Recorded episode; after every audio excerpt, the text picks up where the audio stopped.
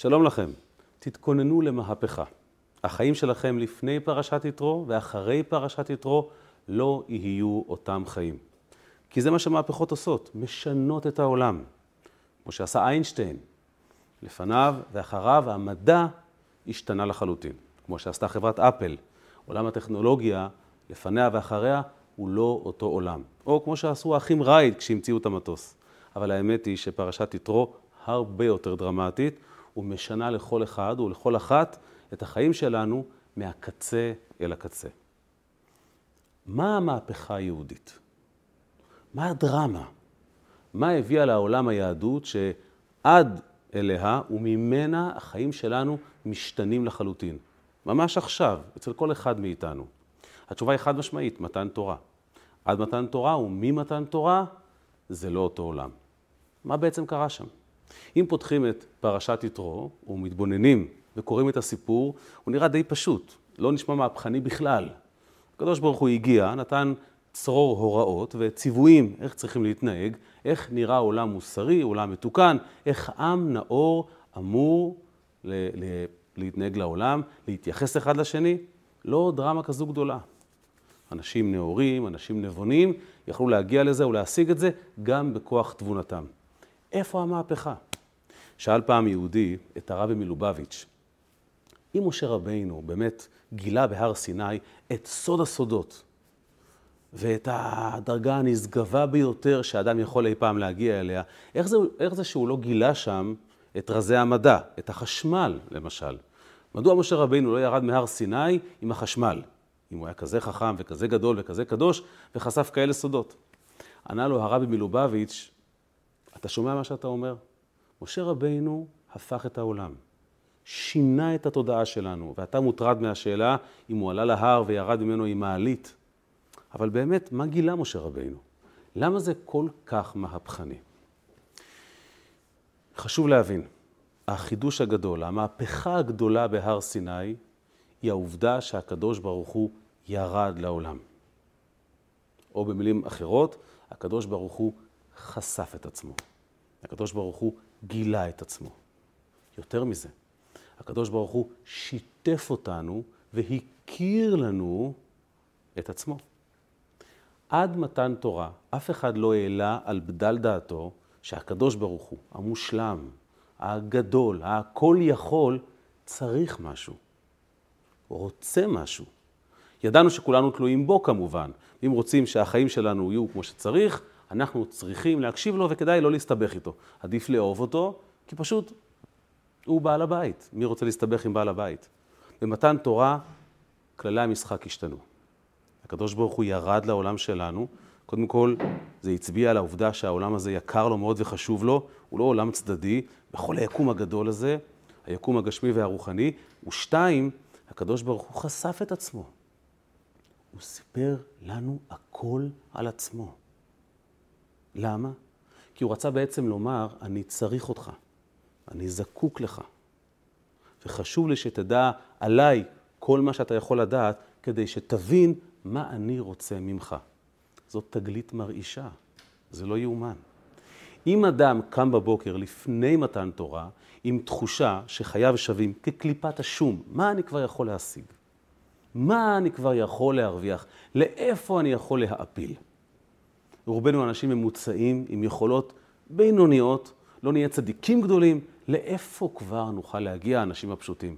ממתן תורה החיים שלנו השתנו. הרבה יותר מהמהפכה של איינשטיין או של כל הוגה דעות אחר. מדוע? כי מרגע זה כל יהודי, כל יהודייה, כל אחד ואחת מכן הפך להיות האישיות החשובה ביותר בתבל. אם אלוקים זקוק לך, אתה היצור החשוב ביותר שנברא אי פעם. הייתה פעם ילדה שנכנסה לדיכאון כי היא החליטה שאלוקים כועס עליה. זה נורא הפחיד אותה, אפשר גם להבין מדוע. ההורים שלה פנו לכל הפסיכולוגים והפסיכיאטרים האפשריים, שום דבר לא עזר. בצר להם הם פנו למרצה רב חב"די מפורסם בשם הרב מניס פרידמן, וטינו לפניו את צרתם. הבת שלנו בדיכאון, בפחד, אלוקים כועס עליה. הוא ביקש את רשותם לדבר עם הנערה. נערה צעירה. היא ענתה לטלפון והוא אמר לה, את חושבת שאלוקים כועס עלייך? היא אמרה לו, כן. הוא אמר לה, אני מקנא בך, אני ממש מקנא בך. מה גורם לך לחשוב שאלוקים הכל יכול מתרגש ממך עד לרמה שהוא כועס ממך? זה הרי מדהים. את מבינה כמה את חשובה? את מבינה איזה ערך יש לך בעיניו? זה לא אמור לדכא אותך, זה אמור לעשות אותך מאושרת. הרגשות כביכול של הקדוש ברוך הוא תלויים בך. את אדם נורא חשוב. הדבר הזה הוציא אותה מהדיכאון. זה הוא סיפר לי באופן אישי, הרב פרידמן. זו מהפכה. העובדה שהקדוש ברוך הוא צריך אותך, זו מהפכה. וזה התגלה במתן תורה. וזו הסיבה שאנחנו מכנים את המעמד הזה מעמד עשרת הדיברות. זה נורא מעניין, כי בכל העולם תרגמו את זה אחרת. זה אגב גם חלק מטבעם של מהפכות. אחרי שחברת אפל הוציאה את, ה... את האייפוד, את הנגן המוזיקלי שלה, אנשים תהו למה חברת סוני לא מוציאה גם אייפוד כזה. מסתבר שהמוצר הוא רק תוצר של ארגון מסוים של החברה, של תרבות ארגונית מסוימת, לא מספיק רעיון טוב. כדי לבצע אותו, אתה חייב זרועות ביצועיות מאוד מיוחדות. לאפל היה, כי באמת הייתה מהפכנית. העולם שמע את סיפור מתן תורה, אבל איך הוא תרגם את המושג עשרת הדיברות? בין היתר, Ten Commandments, שזה אומר עשרה ציוויים, או עשר פקודות. הם לא הבינו. הם באמת חשבו שהקדוש ברוך הוא הטריח את עצמו לרדת לעולם כדי לומר לנו איך להתנהג. הוא יכל לומר את זה מלמעלה. הוא יכל לשלוח מלאך, הוא יכל לשלוח איגרת, הוא יכל לשלוח את משה רבינו. בשביל זה לא צריכים לרדת למטה. הגויים לא תפסו את המהפכה. נכון, אין ספק, זה, זה קו מים מוסרי, חד משמעית. הדיברות הפכו להיות באמת אמת מידה מוסרית, אבל הם לא הבינו שזה הרבה מעבר לכך. הקדוש ברוך הוא לא ציווה, הקדוש ברוך הוא לא הורה, הקדוש ברוך הוא דיבר. וידבר השם את הדברים, אלה הדברים אשר דיבר השם בהר חורב, עשרת הדיברות. מהו דיבור? שיתוף. כשאני מדבר זה אומר שיש פרטנר בצד השני. כשאני מדבר זה אומר שאני חולק את עצמי עם מישהו. וזו מהפכה. אף בריאה לא העלתה על דעתה שהקדוש ברוך הוא חש צורך לחלוק את עצמו איתך. מי אתה בכלל? ופתאום נהיית כזה אדם חשוב. פתאום נהיית מרכז היקום. אלוקים משתף אותך. הוא ירד משמיים לפה, לבית שלך, כדי לשתף אותך. זו רומנטיקה. אין דבר מרגש מכך. נסו לדמיין את הקדוש ברוך הוא מתקשר אליכם לטלפון. זה נשמע מגוחך, אבל... והצורך הוא שלו, לא שלנו. זה בא ממנו. זו הסיבה, דרך אגב, כותב בעל התניא בספרו ליקוטי תורה, שהקדוש ברוך הוא לא ניסח את הדיברות בצורה של אל תגנוב, אל תחמוד. אז באמת זה היה ציוויים, פקודות. מכיוון שהקדוש ברוך הוא ירד אל העולם שלנו, כי פה הוא רוצה להיות וכאן חשוב לו להיות, ודיבר אלינו ושיתף אותנו והכיר לנו את עצמו ואמר לנו, אתם תוהים מי אני? מי אני בורא עולם? המסתורי הזה, הנעלם מעין כל. מי אני? אנוכי הוויה אלוקיך, אני שלך. זה הפירוש. אנוכי הוויה אלוקיך, זה אומר, אני שלך. בראתי הכל כדי שתהיה. אז אני שלך. אתה יכול להשפיע עליי. נכון, הקדוש ברוך הוא לא תלוי, הקיום שלו לא תלוי בנו, אבל הוא החליט לקשור את גורלו בנו. אתה יכול להרגיז אותי, אתה יכול לשמח אותי, אתה יכול לעשות אותי מאושר, אתה יכול לענג אותי. אנוכי ההוויה אלוקיך, אני שלך, ולכן אתה לא תגנוב. אתה לא תרצח. הוא לא מבקש את זה, הוא קובע עובדה. הוא אומר לך, תקשיב, אתה רוצה לדעת מה הנוסחה שתעזור לך להיות מוסרי יותר וטוב יותר? תזכור, זה אני, זה לא הציוויים שלי. אני שומר שבת, אני לא גונב, מחליא אותי לרצוח. עושה לי רע כשחומדים. זה נגד האני שלי. אם תחשוב על זה, אתה לא תחמוד. אתה לא תרצח. אתה תשמור את השבת. כי אתה לא תרצה להכאיב לי. אתה מדי חשוב כדי לעשות שטויות. זו מהפכה שאי אפשר לדמיין אותה. עד מתן תורה, הנבראים חשבו שהם שואפים להתקדש, להיטהר, להשיג איזה מקום בגן עדן. ממתן תורה אתה מבין שיש לך הרבה יותר אחריות. אתה אדם כל כך חשוב, את אישה כל כך חשובה. הקדוש ברוך הוא נתן את עצמו אלינו. וזו הסיבה שהרבה מאוד מפרשים שואלים, הרי גם לפני מתן תורה למדו תורה. אברהם למד תורה, יצחק למד תורה, יעקב למד תורה. מה פתאום מתן תורה? כבר הייתה תורה. מה התחדש במתן תורה? ברכת התורה. זה לא היה קודם.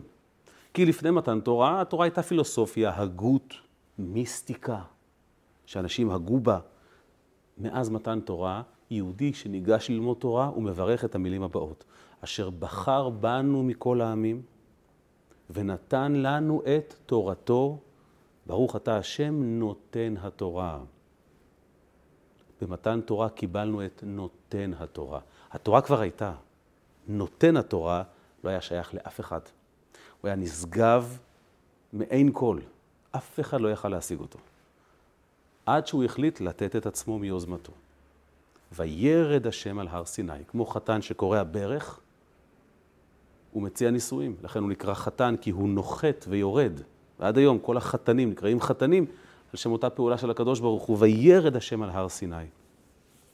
הוא מכתיר אותך למלכה, הוא מכתיר אותך לאישה. וזה אנשים סביבנו לא הבינו. הם תרגמו את זה בצורה לא נכונה, את כל האירוע הזה. וזו הסיבה שהקדוש ברוך הוא בחר שכל מתן תורה יהיה במדבר, הרחק מעין כל רועים. כי הוא ידע שאנשים לא יבינו. היה, מתן תורה היה רגע של אינטימיות הדוקה מאוד בין בורא לנברא, בין הקדוש ברוך הוא לעם ישראל. אינטימיות חייבת להיעשות במימד סגור, בין שניים. אם כבר מישהו צופה מהצד, זה כבר לא אינטימיות, זה כבר מופע שעשועים. זה כבר דבר לא נעים. אינטימיות חייבת שקט. תארו לעצמכם שהיו צופים מהצד אומות העולם במחזה הזה. איך הם היו מבינים אותו? אה, עוד קסם, עוד מיצג, עוד כישוף. היו מתרגמים את הרומנטיקה האלוקית לאיזה מופע שעשועים, לאיזה מופע קסמים, לאיזה, לאיזה מיצג של מי מכשף גדול יותר. לא היו מסוגלים להבין. היו אז חרטומים ומכשפים, הם לא הבינו שיש כאן משהו הרבה יותר נשגב והרבה יותר נעלה. זו מהפכה אמיתית, אין כל המהפכות. אז כשאותו יהודי שאל את הרבי מלובביץ', למה משה רבינו לא גילה את החשמל בפסגת הר סיני? ענה לו הרבי, אם אתה מבין מה התרחש שם, מה זה חשמל? זה כסף קטן. אדם זקוק להכרה שצריכים אותו. כשהוא קם בבוקר עם ההכרה הזו, הוא איש מאושר. עם חשמל או בלי חשמל. ברור שחשוב חשמל, אבל זה, זה כסף קטן. טכנולוגיה וחשמל. אדם צריך חוסן נפשי. ומתן תורה העניק לנו את נותן התורה. אין דבר גדול ונשגב מזה. ופה עולה שאלה מעניינת. מה הכשיר אותנו לרגע הזה? מה עשה אותנו מוכנים לאינטימיות הזאת? והשאלה הזו אקטואלית בעיקר להיום. הקדוש ברוך הוא, כמו אז, עדיין זקוק וצריך אותנו. כי התורה הנצחית ומהדהדת באוזנינו כל הזמן. אלה הדברים אשר דיבר השם. אבל מה הכשיר אותנו לרגע הזה? תקשיבו טוב לקדוש ברוך הוא. הוא דיבר בצורה נורא מדויקת. הוא אמר בפתח דבריו, אנוכי השם אלוקיך, אני שלך, לא אני הבוס שלך, כמו שהעולם מבין, אני שלך. ומה ההוכחה שלי? אשר הוצאתיך מארץ מצרים. זה נורא מוזר. אם הקדוש ברוך הוא מנסה להרשים אותנו, הוא היה צריך לומר, חבר'ה, אתם תוהים מי אני? אני בראתי את העולם, אה? תנו כבוד. זה באמת מרשים מאוד. הוא לא אמר את זה. הוא בחר לומר משהו מאוד אישי. אתם יודעים מי אני? אני זה שהוציא אתכם ממצרים. למה זה מחמיא כל כך? מה... אתה גם שמת אותנו שם. וחוץ מזה, מה זה מצרים לידך? למה זה מחמאה כזו גדולה? תקשיבו טוב למילים. תקשיבו את האהבה הגדולה. תקשיבו את המהפכה. זה מהפכני. אומר הקדוש ברוך הוא, אני רוצה לומר לכם משהו. הנקודה שמחברת בינינו היא נקודת השפל שלכם. הנקודה שבה הגעתם לתחתית המדרגה, לתחתית הבור, נטמאתם בטומאת מצרים וירדתם למ"ט שערי טומאה. אם לא זה, לא הייתי יכול להתחבר עליכם. למה? למה זועק כל יהודי? למה? הקדוש ברוך הוא. ככה מתאים להקלה שלך? עונה הקדוש ברוך הוא, תבינו. אם לא הייתם יורדים לשם, לעומק קליפת מצרים, יכולתם לחשוב שאני רוצה אתכם כי אתם חכמים, כי אתם קדושים, כי אתם יפים, הייתי מוכרח שתבינו, הקשר שלי עליכם לא תלוי בכם, הוא יוזמה שלי. ולכן הוא לא קשור לשום מעלה שיש לכם. כמו אבא שאוהב את הבן שלו לא כי הוא יפה ולא כי הוא חכם, כי זה הבן שלו. אוי ואבוי אם הקשר ביניהם, בין האבא לבן, יהיה בגלל שהבן נבון. אם הוא יהיה טיפש, הוא לא יאהב אותו חלילה. אומר הקדוש ברוך הוא, הסיבה שירדתם למצרים, לדרגה הכי נמוכה במצרים, רק משם יכולתי להביע את האהבה שלי, בכך שבאתי ויזמתי מצידי את הקשר. אמרתי, רק אני יכול להוציא אתכם משם. כי אם הייתי שולח מלאך או שרף, הוא היה אומר לי, אלה, אותם, מה תעשה איתם? הם טמאים לחלוטין, הם מצרים. תבחר לך עם אחר. רק אני יכולתי להוציא, משום שזו יוזמה שלי. אני רוצה אתכם.